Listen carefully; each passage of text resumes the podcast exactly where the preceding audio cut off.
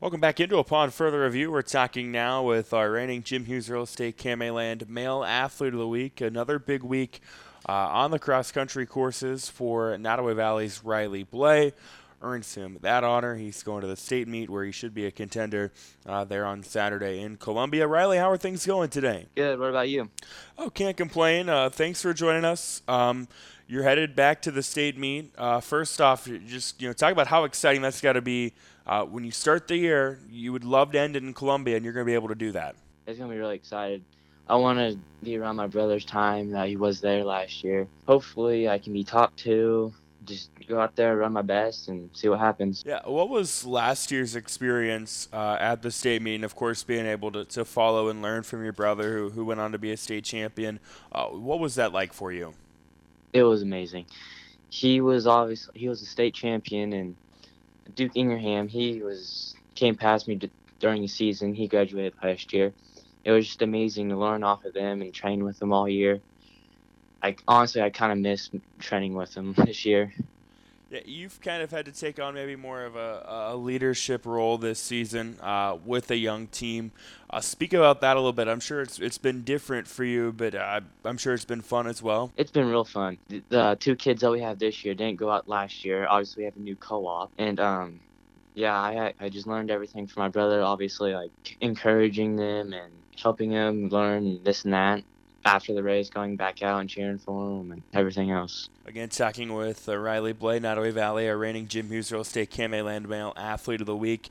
Uh, talk about your, your district championship performance there at St. Joe the other day. A, a, dominant showing for you. You've had a couple of those this year. Uh, you know, what what was it that clicked in that race? Uh, I didn't really feel the best then, but you know, you gotta do what you gotta do. You gotta put run through it. I I I'm terrible at hills. I just try to survive up the hills and roll down the other side and try to open up a gap. Yeah, and that course was probably rolling.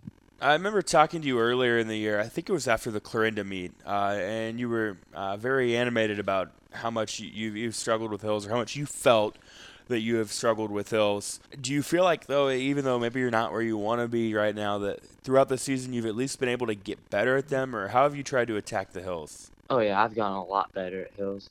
I've proved in minutes at West Platte. That course is hilly. I've improved by minutes from last year to this year. I've I've like done hill repeats, this and that, speed, and try to try to help with the hills. And aside from the hills, uh, where else do you feel this season uh, you've you've been able to, to make strides from say last year to this year? My downhills, I've gained a lot of speed. I've gained a lot of strength, so I can just roll down them and hold the speed on the flats. Again, talking with Riley Blay of Nodaway Valley. So you're headed back to the state meet after being there a year ago. Um, do you kind of go in go into this meet with a better sense of what to expect? Whereas you know last year maybe there's a little nerves and uh, it's kind of easier to, to get starstruck by it, but now you know what to expect, right? Yeah, I know exactly what to expect. Last year I was really nervous. so talking about the course there in Columbia, uh, what what are some things having ran it last year that, that you feel like you can attack well?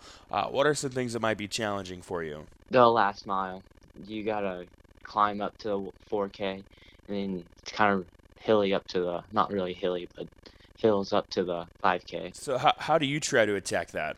I try to get out fast, open up a gap to the 4K, and then just try to hang on last K and kick in. You touched on a little bit earlier in this interview uh, as far as what you hope to do. Dive a little deeper into that. What would be an ideal Saturday for you there in Columbia? I want to run 15:59. If I don't win at that, I'm happy. That is Nodaway Valley's Riley Blay, reigning Jim Hughes Real Estate KMA Land Male Athlete of the Week. Going to run at the state meet in Columbia uh, coming up on Saturday. Riley, thank you so much for the time today. Uh, congratulations on what's been a fantastic season up to this point, and uh, best of luck on Saturday, all right? Thank you.